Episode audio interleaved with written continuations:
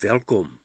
Met 'n vorige keer het ons gesien dat die koninkryk van die hemele nie iets is wat ek moet doen nie, maar dat dit die koning is wat iets in my en vir my en aan my wil doen in sy sorgsaamheid oor sy kinders. Anders as aardse koninkryke of regerings wat noodwendig mense se lewens deur streng wetgewing reguleer, speel die wette van die koninkryk van God 'n totaal ander rol. Dis nie wette wat ons moet onderhou of uitvoer nie. Hierdie wette onderhou ons net soos die natuurwette wat 'n gegewe is, lewe op aarde moontlik en gemaklik maak.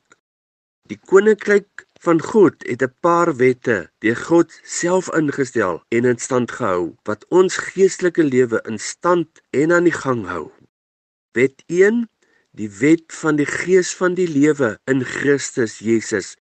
Romeine 8:2. Nou dat ek deur geloof in Christus gekom het, bewoon die gees van God my en hy hou my geestelike goddelike lewe aan die gang en in stand 24 uur per dag. Nommer 2, die wet van die geloof, Romeine 3 vers 27. Geloof beteken altyd iemand anders moet dit doen. Paulus sê, dis nie meer ek wat lewe nie, maar dis Christus wat in my lewe. Hy leef deur sy gees in my en hou my lewend. Nommer die volmaakte wet van die vryheid Jakobus 1:25 en Galasiërs 5:1 Vry van die wet van Moses leen ek teen die inwonende gees wat my dring en bekragtig in die volle hartsbegeerte van die Vader.